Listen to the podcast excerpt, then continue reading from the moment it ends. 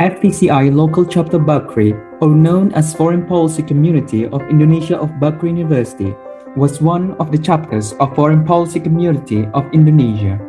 Established in 2016 with aim of campaigning of international domestic issues and also disseminate the Indonesian internationalism. And welcome to our podcast discussing and featuring domestic international affairs and also trendy issues including economic, culture, religion, war, politics, and all human social interaction in every aspect.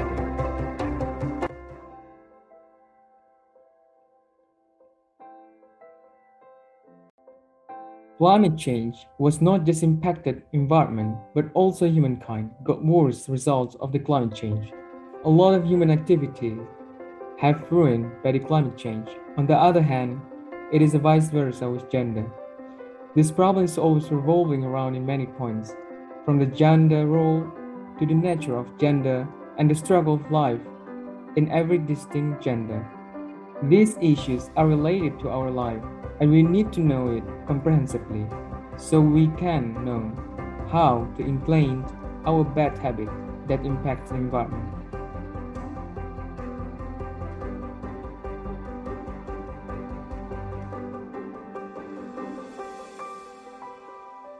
Bismillahirrahmanirrahim. Assalamualaikum warahmatullahi wabarakatuh. Shalom, selamat malam semuanya. Malam. Uh, apa kabar nih kakak-kakak dan yang udah gabung di Zoom uh, apa namanya fokus kita diskusi kita pada malam hari ini sehat Kabarnya ya? baik sekali kak. Alhamdulillah. Fokus kali ini uh, akan membahas mengenai isu yang sangat menarik dan tentunya juga sangat penting bagi uh, keberlangsungan. Kalau menurut saya ini sangat penting bagi keberlangsungan uh, umat manusia di dunia gitu. Karena ini menyangkut uh, dengan perubahan iklim dan juga gender gitu. Uh, dengan tema pembahasan uh, yaitu the impact of climate change in gender. Nah di sini kita akan lihat apakah perubahan iklim itu sangat berpengaruh terhadap gender gitu kan? Apakah uh, gender di sini bisa kan membahas mengenai kesehatan atau enggak peran wanita kesetaraan gender dan lain-lain gitu? Di sini akan berdiskusi jadi santai aja uh, gak perlu tegang yang udah hadir. Bisa nanti untuk uh, mengeluarkan pendapatnya atau misalkan nggak tahu bisa bertanya mungkin kita ada yang tahu kan gitu. Jadi bisa uh, saling sharing lah namanya juga diskusi gitu kan. Saling mengemukakan pendapat dan mencari yang apa apa yang belum kita tahu gitu. Nah di sini diskusi pada malam hari ini akan dipimpin oleh Kak Widya dari R&D uh, eh, apa kabar Kak Widya? Halo semuanya, kabar saya baik. Kak Widya adalah apa namanya staff dari divisi R&D. Nah, mungkin untuk mempersingkat waktu karena sebenarnya uh, sudah mundur dari jadwal apa namanya diskusi kita, mungkin waktu kami persilahkan kepada Kak Widya. Halo semuanya, kembali lagi dalam acara rangkaian fokus dari FPCI Local Chapter Universitas Bakri dengan tema kita hari ini, The Impact of Climate Change in Gender. Ngomong-ngomong tentang perubahan iklim itu menjadi sebuah isu yang paling penting. Karena perubahan iklim itu tidak hanya memberikan dampak pada lingkungan, namun juga memberikan dampak pada kesehatan mental, sosial ekonomi, dan gender seperti tema kita pada hari ini. Hmm, teman-teman ada yang tahu nggak sih apa uh, kenapa apa itu perubahan iklim dan perubahan iklim itu dapat didefinisikan sebagai perubahan dari suhu atau pola akibat aktivitas manusia. Ya, aktivitas manusia itu memerankan peran penting seperti penggunaan dari kendaraan bermotor seperti yang menghasilkan gas karbon monoksida itu berdampak pada perubahan iklim dan gas rumah kaca Ya, sehari-hari kita menggunakan bahan bakar fosil seperti gas alam, minyak dan batu bara yang memberikan yang berimplikasi terhadap lingkungan. Teman-teman di sini ada yang ingin bertukar pikiran atau memberikan pendapat apa sih tentang apa itu perubahan iklim? Dipersilakan. Uh, mungkin saya aja ya ke Widya gitu. Gak boleh, silakan Kak Wisnu. Mengenai perubahan iklim ya sebenarnya kan ini bukan isu baru ya uh, udah lama juga gitu uh, dilihat oleh baik oleh apa dari badan PBB melihat uh, apa namanya bahayanya perubahan iklim gitu. Nah, kali ini kan kita ngebahas tentang perubahan iklim dan gender. Menurut saya, perubahan iklim itu sangat akan mempengaruhi terhadap ketimpangan uh, gender depannya gitu Kak Widya. Karena uh, mak maka dari itu perlu sekali uh, kita itu concern kita terhadap uh, apa namanya tema kali ini atau permasalahan kali itu harus benar-benar orang-orang itu concern banget gitu. Jadi nggak menyepelekan. Menurut saya seperti itu Kak Widya. Mungkin kita bisa next ya kalau nggak ada. Iya, kita lanjut aja ke slide selanjutnya. The goal of climate change.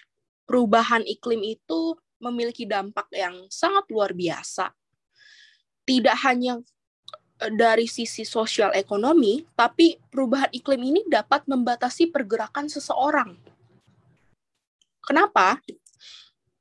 Banyak eh, ya seperti series fokus kita sebelumnya kita pernah membahas tentang dampak perubahan iklim dengan kesehatan mental. Beberapa penelitian itu menunjukkan bahwa perubahan iklim memiliki berpengaruh terhadap kesehatan mental seperti di kota-kota besar sering terjadi udaranya yang tidak bersih menyebabkan seseorang itu cenderung mudah stres. Nah, perubahan iklim ini kemudian berkembang menjadi isu yang penting dan memainkan peranan penting di dunia internasional. Salah satunya itu dari penelitian dikatakan bahwa ada kaitan antara perubahan iklim dan pembangunan berkelanjutan yang sangat kuat. Nah, negara-negara miskin dan negara-negara berkembang itu mempunyai pengaruh yang sangat rentan akibat dampak dari perubahan iklim ini. Karena sistem ekonomi, sosial, dan lingkungan mereka yang tidak dapat uh, mengatasi masalah atau melakukan antisipasi dari dampak dari perubahan iklim. Dan dalam agenda 2030 for Sustainable Development atau pembangunan berkelanjutan, negara-negara menyatakan komitmen mereka untuk melindungi planet ini dari degradasi dan negara-negara di dunia mengambil tindakan atau respon yang cepat terhadap perubahan iklim. Karena dalam jangka waktu 5-10 tahun itu tuh waktu yang sebentar. Maka perlu dilakukan atau dibentuk suatu program untuk mencegah atau meminimalisir dampak buruk perubahan iklim. Dalam paragraf 14 di Agenda for Sustainable Development ini, perubahan iklim dapat dilihat sebagai salah satu tantangan terbesar pada zaman ini dan dikhawatirkan dampak buruknya dapat melemahkan tujuan pembangunan berkelanjutan. And that's why uh, climate change is important topics. Mungkin teman-teman ada yang ingin memberikan pandangannya? Dipersilakan. Aku nambahin nggak? Boleh, silakan Kirani. Uh, by the way, sorry kalau misalnya ada background noises gitu ya. Uh, jadi yang tadi dengar dari Widya, kalau misalnya sekarang negara-negara itu bersatu buat bikin agenda sustainable development, buat tackling climate change, aku juga sempat baca waktu itu, jadi emang pemimpin-pemimpin dunia itu uh, mereka bersatu uh, buat bikin pencapaian target untuk uh, gimana caranya supaya kita nih uh, sebagai negara-negara itu berhenti nambahin karbon dioksida yang yang sangat berpengaruh terhadap perubahan iklim ini ya. Uh, by the time kita memasuki tahun 2050 kayak gitu. Nah, negara-negara penghasil emisi gas rumah kaca yang terbesar itu yang aku baca itu ada salah satunya negara kita sendiri Indonesia. Uh, di situ ada China, kemudian Amerika Serikat, kemudian negara-negara Uni Eropa, uh, kayak in, terus India, Rusia, Jepang, Brazil, kayak gitu-gitu. Kalau nggak salah aku pernah baca waktu itu.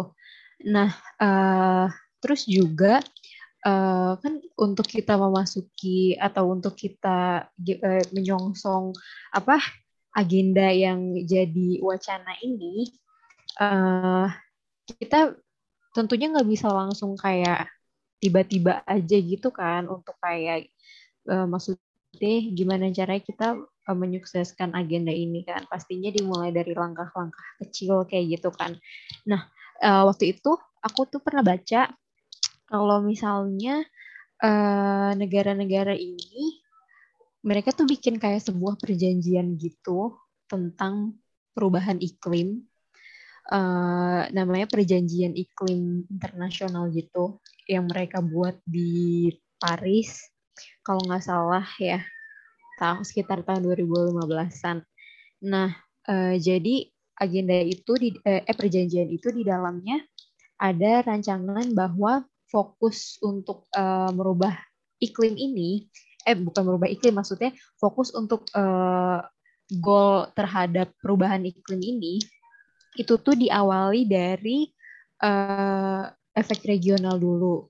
Jadi gimana caranya uh, setiap wilayah-wilayah di masing-masing negara itu tuh kayak mereka punya suatu apa ya program sendiri gitu untuk gimana caranya mereka uh, bikin perubahan-perubahan kecil yang nantinya berdampak besar terhadap climate change kayak gitu. nah, uh, kemudian uh, yang pernah aku baca juga ternyata program ini udah cukup berhasil. Kayak program-program regional ini udah cukup berhasil uh, untuk uh, mengontrol perubahan iklim di setiap wilayah negara-negara tersebut kayak gitu. Kemudian uh, barulah kita memasuki perubahan secara global itu dalam skala besar kayak gitu. Nah di sini juga uh, sebenarnya negara dan pelaku-pelaku bisnis kan karena negara kan di dalam negara itu kan bukan cuma negara satu itu kan aktornya juga banyak aktor-aktor non negara non state actor kayak pelaku bisnis para kapitalis gitu dan sebagainya. Nah mereka juga di situ ternyata dilibatkan kan uh, untuk uh, mengambil langkah-langkah spesifik untuk uh, apa mencapai goal dari uh, climate change kayak gitu.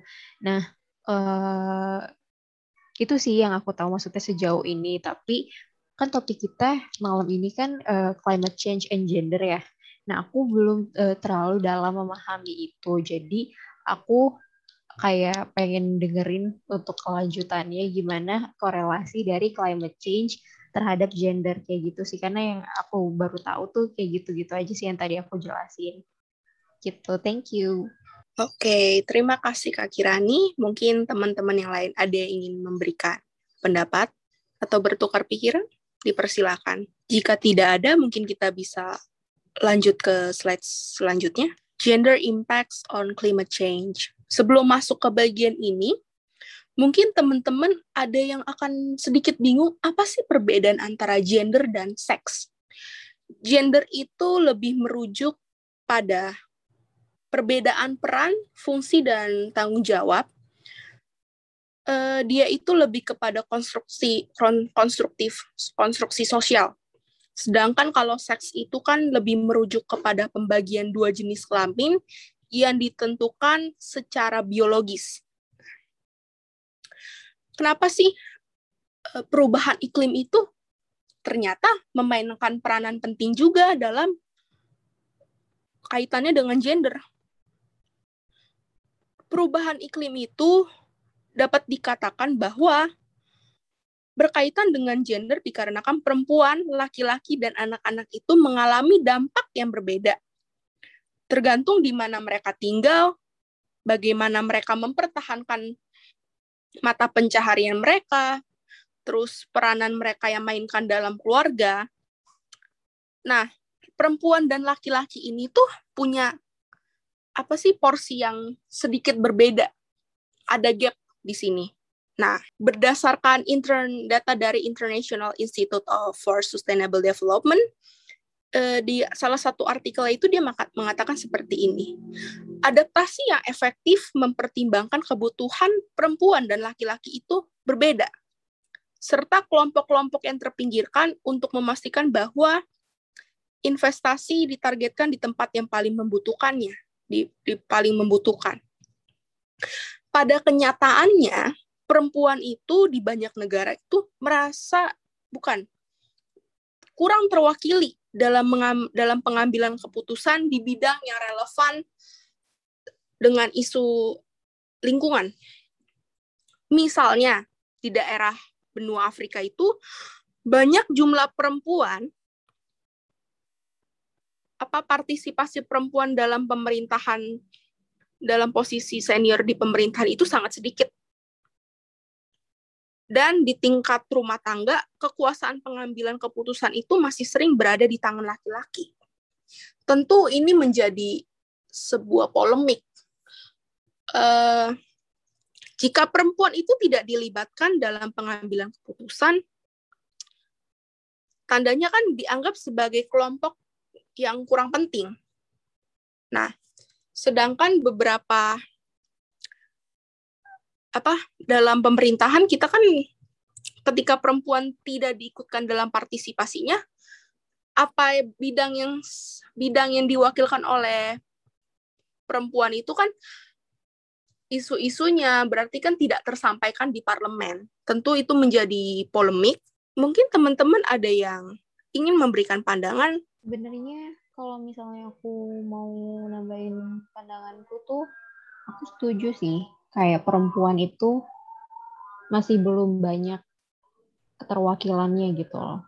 Di konferensi-konferensi penting di parlemen-parlemen penting kayak gitu.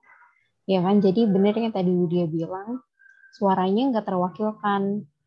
Dan biasanya gimana cak ini gimana ya kalau misalnya kita mau bahas tentang uh, gender pasti itu kan di dalam tatanan sosial kita kan pasti akan menyinggung isu tentang seksisme ya kan?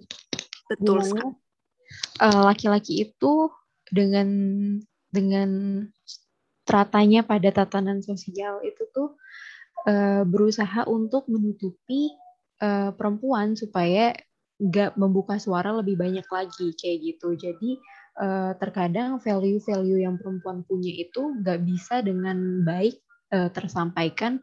Karena itu kesempatan yang mereka punya tuh uh, peluangnya sangat sedikit. Bahkan sampai sekarang pun menurutku uh, walaupun sudah berangsur-angsur gitu banyak kita lihat perempuan-perempuan menjadi seorang leader uh, tapi masih banyak juga wilayah-wilayah yang masih berat sekali diskriminasinya terhadap perempuan kayak gitu. Tapi kita lihat menurutku ya kita cukup melihat angin segar gitu uh, terkait uh, keter keter apa? Apa namanya? Duh aku bingung kata-katanya. Kayak partisipasi gitu partisipasi perempuan uh, uh, di isu climate change ini. Salah satunya yang kita tahu yang paling fenomenal tuh Greta Thunberg. Kalau misalnya teman-teman tahu ya kan uh, dia itu perempuan masih kecil. Umurnya berapa sih? Masih belasan ya enggak sih? Kalau nggak iya. salah. Iya. masih belasan ya? Masih kecil Asal. juga. Dan dia itu seorang aktivis lingkungan yang benar-benar punya uh, apa ya jiwa yang menggebu-gebu sekali gitu loh terhadap climate gitu. Eh terhadap lingkungan dan terhadap climate change. Kayak gitu. Kalau misalnya kita bisa lihat kampanye-kampanyenya gimana kita lihat concernnya terhadap uh, perubahan lingkungan terhadap perubahan iklim kayak gitu. Dan dari situ mulai uh, gimana rasanya perempuan-perempuan lain di seluruh dunia yang mungkin gak punya kesempatan yang sama seperti Greta tuh merasa oh gitu kayak oh kayak ternyata ada harapan gitu ya buat kita, buat perempuan yang mana memang seharusnya dari dulu itu tuh diajak gitu dirangkul bersama dalam pemecahan masalah-masalah isu-isu serius seperti ini uh, kayak merasa terwakilkan dengan uh, adanya Greta di situ yang muncul ke, ke permukaan kayak gitu. Dan kalau misalnya kita bisa lihat uh, banyak sekarang uh, apa namanya LSM LSM yang yang yang apa namanya yang dipimpin oleh perempuan-perempuan yang memang yang memang mereka concern terhadap isu-isu lingkungan hidup dan juga concern terhadap permasalahan gender kayak gitu. Cuma memang uh, menurutku orang-orang tuh masih takut gitu loh untuk untuk uh, membicarakan tentang ini tentang keterlibatan gender gitu keterlibatan perempuan dalam uh, mengangkat isu-isu penting seperti ini. Entah mereka menghindari entah mereka memang takut tapi memang ada beberapa yang berusaha untuk membahas ini. Karena kita juga memasuki maksudnya kita udah di abad 21 gitu loh. Kita udah memasuki zaman yang sangat menuju udah modern dan menuju uh, zaman yang lebih modern lagi. Kayak gitu udah banyak yang mengangkat isu tentang ini. Tapi masih banyak sekali orang-orang yang menurutku mereka uh, masculinity-nya ngerasa kesenggol gitu kalau misalnya kita bahas soal uh, keterlibatan atau gender equality kayak gitu sih. Jadi kalau misalnya buat menurut aku ya, sepengetahuan aku gitu, as long as I know sekarang uh, memang perempuan udah uh, walaupun belum banyak cuma dengan salah satunya di di apa namanya di uh, area lingkungan hidup kayak gini di climate change kayak gini sudah ada uh, ya tadi aku bilang sudah mulai bermunculan tapi uh, sekarang aku mau dengar lebih banyak lagi tentang uh, dampak perubahan iklim yang bergantung pada peran dan tanggung jawab uh, perempuan dan laki-laki di dalamnya. Kayak gitu. Mungkin teman-teman yang lain ada yang bisa nambahin gitu, nambahin insight aku terhadap ini. Thank you. Terima kasih Kak Kirani. Hmm, sebelumnya dalam melakukan research terhadap tema ini, saya sempat membaca salah satu artikel dari United Nations Framework Convention on Climate Change. Di salah satu webnya itu pada eh, salah satu badan PBB ini memaparkan bahwa perempuan itu dapat memainkan peranan penting dalam menanggapi perubahan iklim karena mereka memiliki pengetahuan dan kepemimpinan lokal mereka seperti pengelolaan terhadap sumber daya yang berkelanjutan atau memimpin bagaimana praktik berkelanjutan di tingkat rumah tangga dan masyarakat. Nah, dari itu maka perlunya partisipasi perempuan di tingkat politik. Karena akan menghasilkan respon yang lebih besar terhadap kebutuhan. Nah, namun sering kali banyak perempuan itu tidak dilibatkan dalam partisipasi. Nah, jika perempuan itu tidak dilibatkan dalam partisipasi, Tentu kebijakan atau proyek yang dilaksanakan tanpa partisipasi dari perempuan itu akan meningkatkan ketidaksetaraan dan menurunkan efektivitas. Karena partisipasi perempuan yang tidak setara dalam proses pengambilan keputusan dapat memperparah ketidaksetaraan dan menghalangi perempuan dalam dalam memberikan kontribusi terhadap perencanaan, pembuatan kebijakan, implementasi, dan monitoringnya. Next slide. Perempuan dan anak perempuan dan anak perempuan itu menghadapi kerentanan tertentu akibat norma budaya, status sosial ekonomi yang lebih rendah di masyarakat. Peran per, per, perempuan umumnya menghadapi resiko yang lebih tinggi dan beban yang lebih besar dari dampak perubahan iklim dalam situasi kemiskinan. Dan mayoritas orang miskin di dunia adalah perempuan. Nah, ini berdasarkan apa yang dipaparkan da dari data United Nations Framework Convention on Climate Change. Nah, peran domestik perempuan sering kali membuat mereka menjadi pengguna sumber daya alam seperti air, kayu bakar, dan hasil hutan secara tidak proporsional. Coba teman-teman bayangkan ketika perubahan iklim terjadi, sumber air bersih itu tidak ada, hasil bumi itu berkurang yang hasil bumi itu digunakan dalam kebutuhan rumah tangga sebagai pangan. Nah, tentu beban kerja perempuan yang tadinya sudah besar menjadi lebih besar dan menjadi lebih berat lagi. Seperti cok dan akan meningkatkan jatuhnya jurang kemiskinan dan mem dan angka kemiskinan itu dapat menjadi meningkat.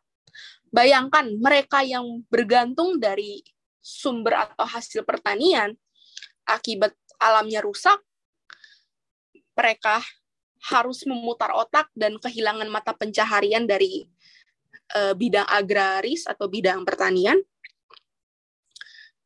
Contohnya itu kita dapat lihat di negara-negara berkembang, yang mana perubahan iklim mempengaruhi ketersediaan air ketersediaan air dan akibatnya perempuan yang di pedesaan yang memiliki tugas uh, tugas domestik, tugas rumah tangga harus mengambil air menempuh jarak yang lebih jauh.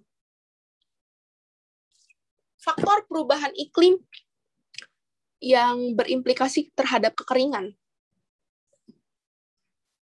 Perubahan cuaca, perubahan musim yang harusnya hujan dia jadi kemarau, sumur-sumur itu pada kering, harus muter otak, pergi ke sungai, berjalan berpuluhan kilometer, beban kerja mereka menjadi lebih banyak.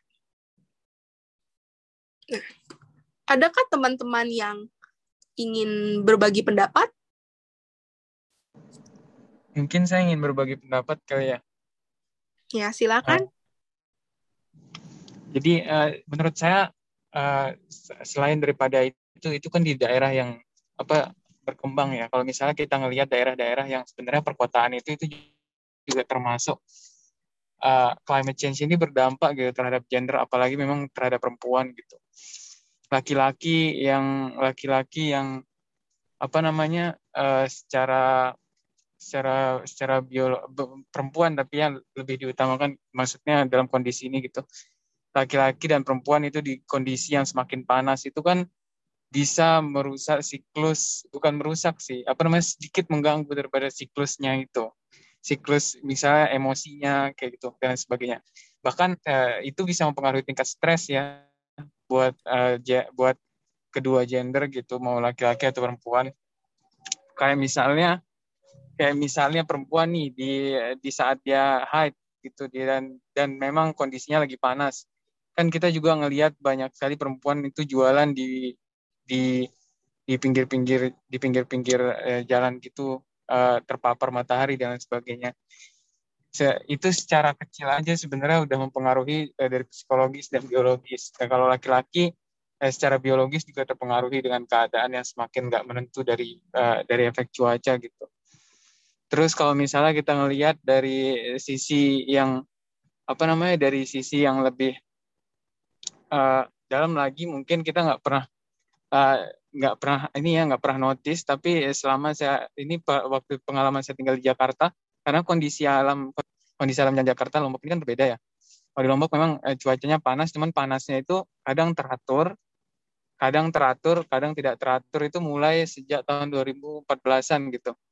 Nah uh, tapi tapi di Jakarta itu ternyata lebih ekstrim lagi gitu dan uh, saat dia di saat dia tidak panas pun dia tetap akan jadi panas gitu karena banyaknya karbon karbon dari uh, kendaraan yang banyaknya hasil karbon dari kendaraan gitu.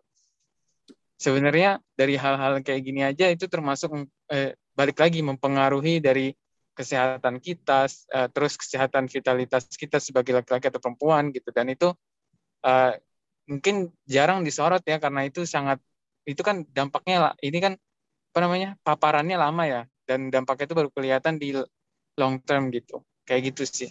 Ingin menambahkan okay. Kak Widya? Ya silakan Kak Wisnu. Kalau tadi Kak Koni membahas mengenai kenyamanan dan kesehatan ya mungkin saya di sini akan melihat kepada eh, pengaruh ekonominya gitu. Eh, misalkan di daerah yang hari ini kan uh, perubahan iklim itu apa namanya sudah terjadi sejak lama sebetulnya seperti yang saya tadi bilang. Lalu misalkan uh, baik itu kutub utara, kutub selatan, sekarang itu kan es di kutub itu terus mengalami penyusutan. Nah, akan banyak sekali orang-orang yang terdampak yang lebih utama itu adalah orang-orang yang di pesisir menurut saya gitu seperti misalkan eh, para nelayan yang harus kehilangan mata pencahariannya atau misalkan yang tadinya eh, sawah untuk menanam padi itu harus apa namanya sudah mulai permukaan tanahnya sudah mulai turun. Nah eh, sehingga akan sangat mempengaruhi ekonomi baik itu di sisi perempuan ataupun di sisi laki-laki. Terutama bahkan menurut saya misalkan ketika seseorang kehilangan e, mata pencahariannya bisa berujung kepada perceraian. Nah, ini juga akan apa namanya mempengaruhi psikologis juga terutama bagi mereka yang sudah memiliki anak-anak gitu. Nah, ini menurut saya e, harus jadi concern juga gitu bagi setiap orang gitu. Seperti itu, Kak Widya. Uh, teman-teman izin menambahkan pada tahun 2014 lalu uh, United Nations Framework Convention on Climate Change dalam COP 2014 it, 2014 itu ada menetapkan program pertama tentang gender L, L, LWPG yang untuk memajukan keseimbangan gender dan mengintegrasikan pertimbangan gender ke dalam pekerjaan para pihak sekretariat dan mengimplementasikan konvensi itu dan perjanjian Paris untuk mencapai kebijakan dan tindakan iklim yang responsif terhadap gender. Nah, dari beberapa tahun yang lalu memang isu gender yang berkaitan dengan perubahan iklim itu mulai meningkat dan orang-orang mulai lebih concern terhadap isu ini bahwa ternyata climate change is not tidak hanya berimplikasi terhadap isu lingkungan tapi juga terhadap gender dan mempengaruhi sisi psikologis. Begitu. Mungkin bisa di next ya, Kak. The Intergovernmental Panel on Climate Change (IPCC) dalam Five Assessment Report di tahun 2013 itu menyatakan bahwa perubahan iklim dapat meningkatkan ketidaksetaraan gender atau memunculkan gender gap. Dan berkontribusi terhadap kerentanan perubahan iklim yang lebih besar yang berdampak terhadap perempuan dan anak Nah, IPCC itu faktor-faktor eh, menurut IPCC faktor-faktornya itu yang berkaitan dengan perubahan iklim dipengaruhi oleh human capital seperti literasi, akses terhadap informasi, akses terhadap pendidikan, eh, mata pencaharian dan akses ekonomi. Nah, seperti diskusi kita dari tadi sudah mengarah ke arah ekonomi, yang sudah dijelaskan dan dipaparkan oleh Kak Wisnu eh, di beberapa slide sebelumnya. Perempuan yang mereka mayoritas bekerja, yang seperti tadi Kak Korni udah bilang tuh, eh, mereka bekerja di siang hari yang sangat terik akibat per, apa suhunya meningkat, mem mempengaruhi secara emosi Ya, belum lagi di kota-kota besar eh, tingkat polusi itu kan sangat tinggi dan berpengaruh terhadap psikis yang memicu tingkat emosionalnya jadi lebih tinggi. Social capital, keanggotaan dalam sebuah grup sosial dan asosiasi, dan technological access, jaringan komunikasi. Ada yang ingin memberikan pendapat? Mungkin saya ingin memberikan pendapat kali ya. Uh, jadi gini, kalau misalnya kita apa namanya ngelihat uh, sebab uh, se apa uh, jembatan berduri gitu dari kondisi Silakan, Mas. dari kondisi apa namanya dari kondisi antara gender dan climate change ini menurut saya ada beberapa sih yang perlu dilihat gitu. Nah selain daripada uh, perubahan iklimnya itu sendiri, terus dampak dampak ekonomi, dampak ekonomi tapi ekonominya yang mikro dan dampak psikologis dan uh, psikologisnya ini yang termasuk dalam hal indera ya yang ditangkap sama indera kita. Gitu.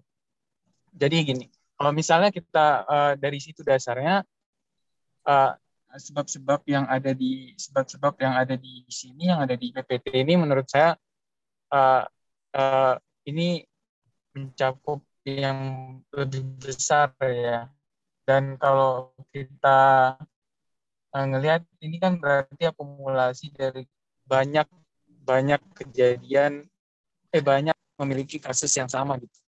Nah, uh, dilihat dari dilihat dari kayak dilihat dari pola yang seperti itu berarti uh, sebenarnya bukan hanya bukan hanya climate change ini tahap yang lebih buruk itu adalah manusia berevolusi itu tapi enggak itu dalam jangka waktu yang panjang ya karena evolusi itu butuh waktu seratusan tahun tapi uh, di, di di samping itu eh, eh, mungkin nggak perlu kema kayaknya kemarin deh tahun 2019 saya pernah baca itu manusia itu nambah kelenjarnya satu yang ada di belakang dekat hidungnya. Nah, itu itu karena proses karena itu ada hal yang berubah dari yang biasa dihirup gitu. Nah, itu kan itu kan menjadi pertanyaan ya, kok bisa gitu e, berubah struktur manusia itu gitu dan itu ditemukan di Belanda.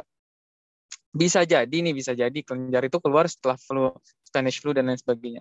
Tapi uh, apa namanya yang jadi apa namanya yang jadi sangat sangat menjadi perhatian atau jembatan berduri yang tadi saya bilang itu adalah proses uh, transisi ini pasti akan mengorbankan beberapa makhluk gitu yang tidak yang apa yang tidak yang tidak tahan dengan kondisi perubahan ini termasuk laki-laki dan perempuan. Dan perempuan itu uh, secara uh, psikis itu memiliki imun yang mungkin uh, lebih rentan ya terhadap perubahan itu gitu.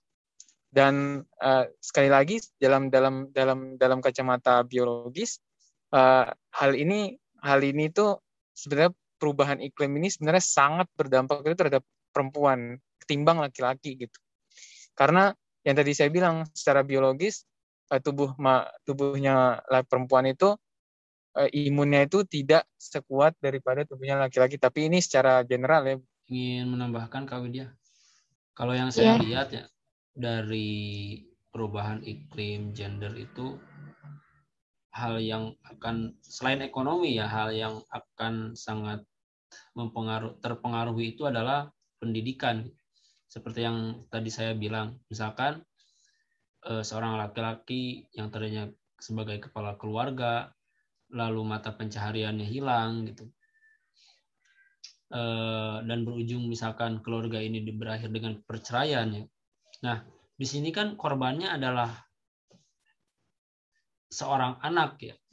Kalau mereka memiliki yang sudah memiliki apa namanya anak gitu, itu akan sangat berpengaruh gitu. Berpengaruh seperti apa? Karena kan kita tahu misalkan yang namanya anak itu eh, katakan misalkan umur dari 7 tahun menuju ke 18 tahun itu adalah ketika perlu-perlunya mendapatkan pendidikan gitu. Nah, ketika keluarga itu misalkan mengalami perceraian, yang mana anak ini terpaksa harus eh, membantu, misalkan jika dia tinggal dengan ibunya harus membantu ibunya mencari nafkah, misalkan. Ini kondisi keluarga yang tidak mampu lah katakan gitu ya. Nah, sehingga dia melupakan eh, apa namanya? Bukan melupakan sih, tapi lebih kepada dia tidak bisa mendapatkan pendidikan gitu karena harus membantu ibunya bekerja gitu. Seperti itu. Mungkin ada yang menambahkan? Aku setuju. Dari situ pasti nantinya berdampak ke generasi selanjutnya ya kan. Karena yang tadi dimulai dari eh, perceraian, kemudian anak-anak itu jadi terlantar, kemudian hidupnya jadi nggak terjamin gitu kan. Karena mereka misalnya udah nggak punya orang tua, nggak punya keluarga.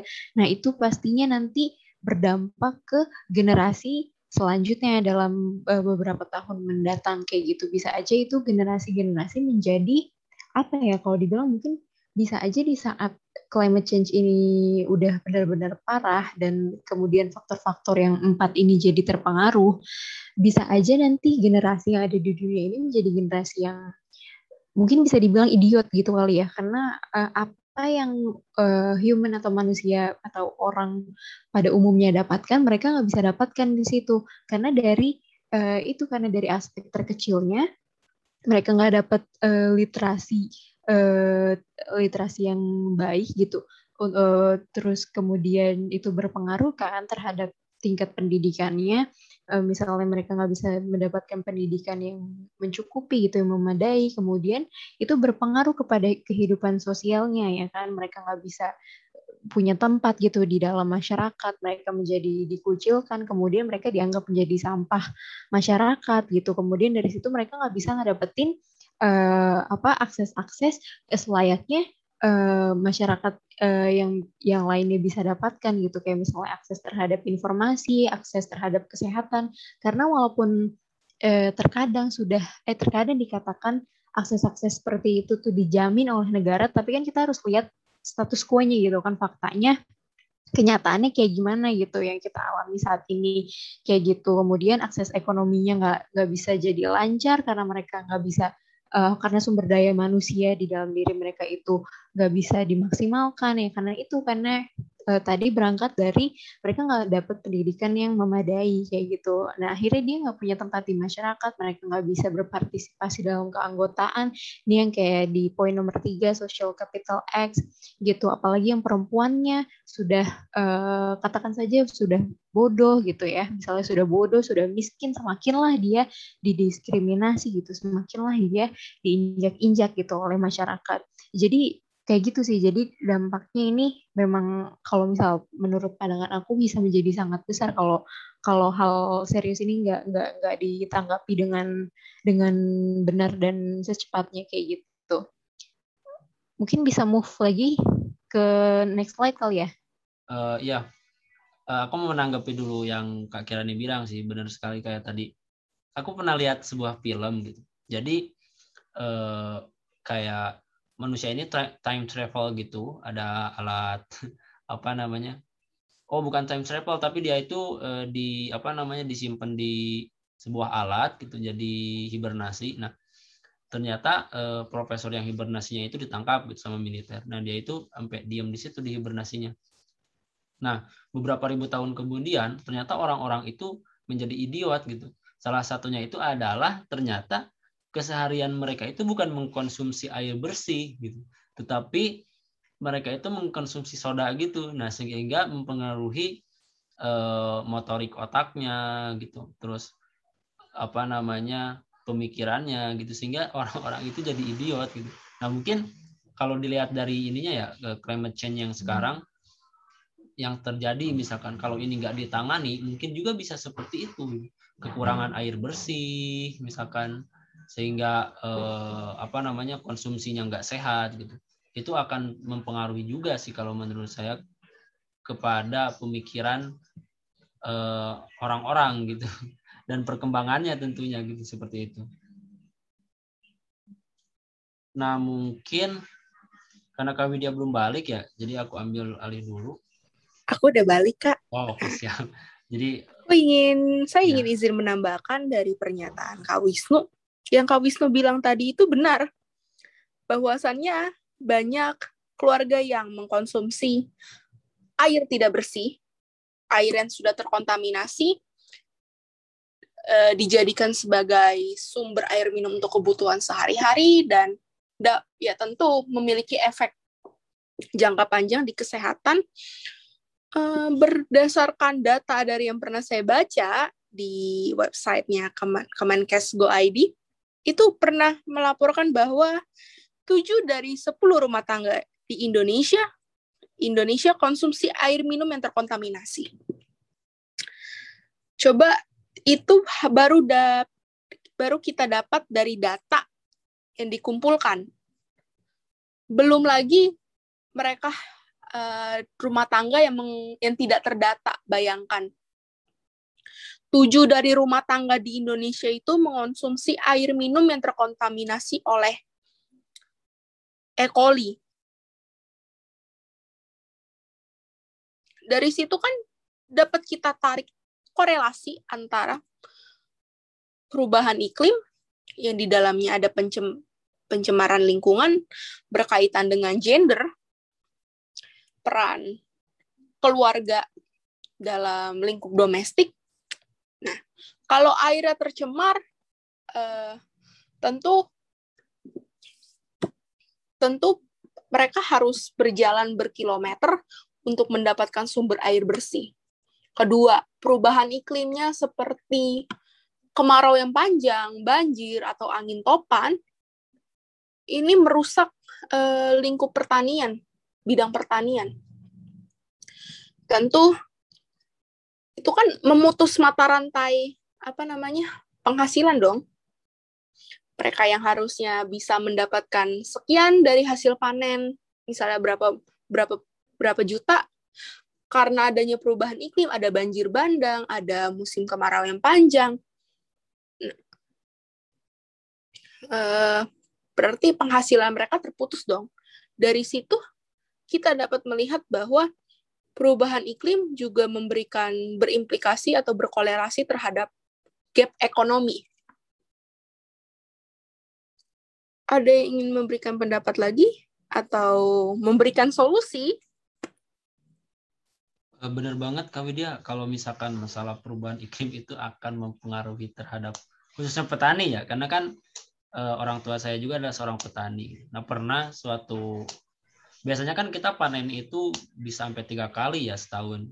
Nah pernah suatu saat itu kita setahun itu hanya uh, panen dua kali gitu karena kemarau yang lama banget gitu. Jadi uh, benar banget menghambat kepada penghasilan gitu, ekonomi.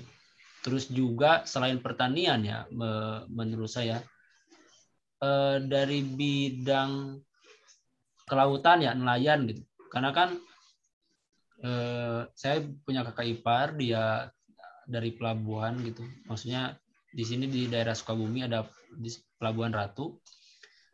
Eh, yang harusnya kayak misalkan bulan sekarang harusnya angin barat misalkan itu berubah nggak nentu gitu. Eh, sehingga mempengaruhi hasil tangkapan gitu. Yang harusnya misalkan misalkan Januari eh, sampai Maret misalkan biasanya tangkapannya berapa ton sekarang berkurang. Karena eh, perubahan iklim itu tadi gitu angin laut tidak teratur gitu. Seperti itu Kak Widya. Selain selain dari itu ya selain dari pertanian gitu. Mungkin saya kepingin menambahkan kali. Uh, eh, iya kayak kayak katanya Kak Agun tadi tentang apa namanya tentang air laut yang naik dan lain sebagainya tentang di laut itu itu uh, sebenarnya memang mempengaruhi dari sisi gender yang mungkin kita ngelihat dari petani petani garam atau dari uh, nelayan atau dari pembudidaya rumput laut dan lain sebagainya. Tapi uh, yang uh, apa namanya uh, yang jadi concern kita kan sekarang gender ya. Jadi dari jenis-jenis pekerjaan ini ternyata di uh, daerah sana bukan hanya laki-laki aja yang bekerja tapi juga perempuan gitu. Nah kondisi kondisi kondisi yang seperti ini uh, secara uh, secara keseluruhan kita lihat kan mempengaruhi gitu. Dari sisi ekonominya eh, pendapatannya dan lain sebagainya menjadi berkurang. Uh, naiknya naiknya air laut sebenarnya uh, tidak menjadi masalah buat uh, tidak menjadi masalah buat petani buat buat apa petani ini ya buat petani ini apa rumput laut. Tapi bakalan uh, bakalan berpengaruh untuk petani garam karena dia harus mindahin lahan lagi gitu. Dan untuk yang nelayan dan mereka dan untuk yang nelayan mereka bakalan sulit gitu. Ikan-ikan ikan-ikan itu kan sebenarnya naik dan turun dari dalam itu kan dia tergantung dari ini ya. Dari panas terus dari uh, apa kondisi hangatnya laut itu terus arus dan lain sebagainya itu kan terpengaruh dari itu ya. Jadi kalau misalnya uh, climate change itu uh, benar-benar uh, dampak dampaknya itu bisa dirasakan lebih cepat, hmm, itu sebenarnya sangat mempengaruhi nelayan sih, sangat mempengaruhi karena ikan yang mau naik ke atas itu itu adalah ikan yang sedang ikan yang sedang ingin mencari uh, makan gitu ya, ingin mencari makan dan mereka naik ke permukaan, maksudnya tidak terlalu permukaan gitu, tapi cukup cukup cukup terlihat matahari dari dari laut itu sehingga mereka uh, gampang gitu ditangkap sama nelayan gitu. Tapi kalau misal kondisi itu berubah kan itu bisa mengurangi produktivitas pekerjaan mereka kayak gitu. Kayak uh, gitu sih. Iya, terima kasih Kak Korni. Ya, apa namanya? Kalau dilihat dari segi pekerjaannya, ya ada yang lupa yang saya sampaikan. Jadi di daerah Pelabuhan Ratu itu ada juga kan kayak eh, apa namanya mereka itu kan membuat misalkan dari ikan membuat ikan asin gitu. Nah itu juga ternyata di, tidak hanya dikerjakan oleh laki-laki gitu, dikerjakan juga oleh perempuan. Gitu. Nah misalkan produk eh, penangkap apa hasil tangkapan ikan itu berkurang maka produksi itu juga akan berkurang gitu. Produksi ikan asin itu akan berkurang juga gitu. Nah, dampaknya misalkan ke perempuan itu kan mereka bekerja di sana, misalkan sehari-hari. Misalkan let's say misalkan dalam sebulan dapat harusnya dapat berapa ratus kilo gitu. Karena perubahan iklim ini semakin memburuk misalkan nelayan dengan pendapat pendapatannya semakin berkurang, tangkapannya semakin berkurang, maka produksi ikan asin juga akan berkurang gitu. Seperti itu yang saya tambahkan. Oke, terima kasih Kak Gunawan dan Kak Korni atas pandangannya. Hmm, sedikit menambahkan bahwa dalam mengatas dalam peran perubahan iklim dalam fokus kita terhadap gender ini, memang solusinya itu antara pemangku kebijakan dan ya yang di dalamnya terdiri dari NGO maupun badan-badan pemerintah itu harus saling berkolaborasi.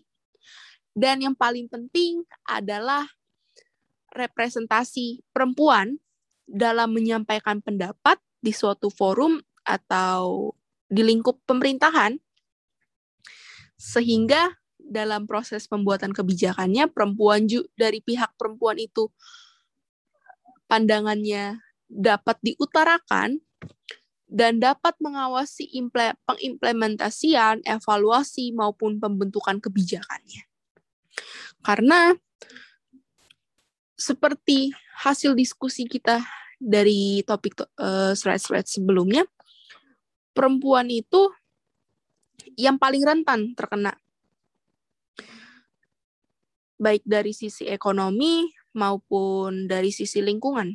Dan dari itu kebijakan investasi proyek yang dilaksanakan tanpa partisipasi perempuan dapat menyebab, menyebabkan hasil kebijakan tersebut itu kurang efektif dan memperburuk gap antar gender. Uh, mungkin saya ingin menambahkan tentang solusi ya. Jadi uh, tentang berbicara tentang solusi, kalau misalnya uh, kita lihat sebenarnya uh, kita lihat uh, posisi daripada solusinya sebenarnya ada dua tingkat gitu. Yang pertama secara global dan yang kedua itu secara domestik ya. Kalau misalnya kita ngelihat uh, secara global uh, sebenarnya banyak sekali langkah-langkah komprehensif yang sudah dibuat sama negara-negara di dunia gitu untuk bisa mengurangi daripada efek uh, apa namanya efek dari gas rumah kaca ini gitu. Dengan berdirinya COP26 dan lain sebagainya perjanjian Paris itu dan uh, beberapa negara juga memiliki target yang sangat ambisius uh, begitupun eh tapi ambisius negara-negara ambisius ini memang negara-negara yang punya kekuatan ekonomi besar gitu uh, nggak bisa dipungkiri kalau masa transisi ini sebenarnya menghambat uh, banyak orang yang memang sudah mulai bis, lini bisnis tapi ternyata lini bisnis ini bisa merusak lingkungan gitu antara dan uh, dan sekali lagi sebenarnya banyak banget aktivis ini uh, dari sekian dari kalau kita lihat ya uh, presentasinya gitu orang-orang yang punya uh, passion untuk mendukung daripada climate change ini kan rata-rata perempuan ya kalau kita lihat karena mereka lebih aware gitu dengan kondisi-kondisi yang sebenarnya laki-laki itu kadang agak menjadi blind spot buat laki-laki gitu. Dan uh, menurut saya uh, secara secara hubungan masyarakat uh, peran perempuan ini sangat besar juga. Selain dia berdampak besar tapi dia juga sangat uh, berdampak terhadap uh, gender perempuan juga. Tapi perempuan ini memiliki apa namanya niat yang besar juga untuk uh, kontribusi yang besar juga gitu untuk untuk ikut merubah gitu dan itu dari sisi globalnya sebenarnya kondisi yang lagi sekarang berjalan ini sudah sesuai dengan apa yang sebenarnya kita harapkan gitu. Tapi balik lagi sebenarnya masalah intinya itu adalah di domestik gitu. Nah, domestik ini siapa gitu? Negara-negara yang punya uh, yang punya pemikiran gitu sama dengan negara-negara besar itu, tapi mereka mempertimbangkan juga gitu kondisi mereka itu nggak bisa dipaksa untuk berubah. Kalau misalnya mereka mau berubah berarti harus mulai start starting from zero gitu. Atau uh, atau mungkin berusaha untuk gini kalau misalnya mau cepat berarti starting from zero. Kalau misalnya mau pelan-pelan berarti at least bisa ada yang diselamatkan gitu. Dan balik lagi siapa sih orang yang bertanggung jawab untuk hal ini? Ya balik ya kita kita pasti berasumsi satu sih pemerintah. Tapi uh, sebenarnya pemerintah juga nggak bisa. Kalau misal nggak bisa bekerja sendiri gitu. Nah siapa uh, yang bisa bantu program pemerintah? Ya itu kita gitu masyarakat. Kalau misalnya pemerintah eh, kalau misalnya masyarakat punya awareness yang lebih tinggi dan rata-rata memang punya pemahaman yang sama uh, untuk menyelesaikan hal-hal seperti ini sebenarnya tinggal menuju ke kebijakan publik dan penaatan dan uh, ketaatan gitu. Uh, strukturisasi daripada uh, pembuatan kebijakan dan sanksi yang uh, yang jelas gitu terhadap kondisi perubahan iklim sehingga uh, dampak uh, apa jembatan berduri menuju gender dari climate change menuju gender itu lebih cepat gitu diatasi misalkan kita memiliki persepsi yang sama gitu gitu sih kak Widya. Oke terima kasih kak Korni. Uh, dapat kita tarik kesimpulan dari diskusi kita hari ini perubahan iklim tidak hanya berimplikasi terhadap lingkungan dan sosial, namun mempengaruhi dari sisi psikis dan dari sisi gender yang berimplikasi terhadap uh, perbedaan gap antar gender itu semakin besar antara perempuan dan dan laki-laki. Kedua, perempuan dan anak-anak itu menjadi kelompok yang paling rentan akibat dampak dari perubahan iklim yang mana yang mana dapat berpengaruh terhadap ketersediaan air bersih, terus beban perempuan menjadi lebih besar dan dan menyebabkan gap yang semakin besar dari jurang kemiskinan. Ya, representasi perempuan dalam pembuatan kebijakan dan memang dari kebanyakan dari sisi banyak perempuan-perempuan hebat, banyak perempuan-perempuan yang lebih concern terhadap isu lingkungan yang berkaitan dengan gender. Yang tadi sempat disinggung Greta Thunberg, dia masih muda tapi mempunyai jiwa yang sangat besar terhadap isu, isu lingkungan, sangat aware, bisa mengencourage banyak pihak untuk lebih peduli bahwa perubahan iklim is a perubahan iklim itu nyata dan dampaknya besar dalam jangka waktu 10 hingga 20 tahun ke depan. Hmm, terima kasih kepada teman-teman yang telah hadir dalam rangkaian acara fokus dari FPCI Local Chapter Universitas Bakri. Sampai bertemu lagi di minggu depan pada pukul 7.30. Terima kasih. Terima kasih Kak Widya, terima kasih semua. Terima kasih buat Kak Widya yang sudah memaparkan materi dan terima kasih untuk teman-teman yang sudah uh, berdiskusi pada malam hari ini. Kami perwakilan dari uh, staff atau pengurus FVCI LC Bakri, lokal chapter Bakri, memohon maaf apabila ada uh, kesalahan dalam penulisan presentation atau misalkan ada perkataan kita yang salah atau masih ada kekurangan dari dari pembahasan kita eh, mohon dimaafkan untuk misalkan eh, ada yang salah nih bisa teman-teman mengunjungi eh, Instagram kita di @fvci Bakri. Nah, di sana kita bisa saling berdiskusi bareng. Terima kasih semuanya. Assalamualaikum warahmatullahi wabarakatuh. Waalaikumsalam warahmatullahi wabarakatuh. Waalaikumsalam warahmatullahi wabarakatuh.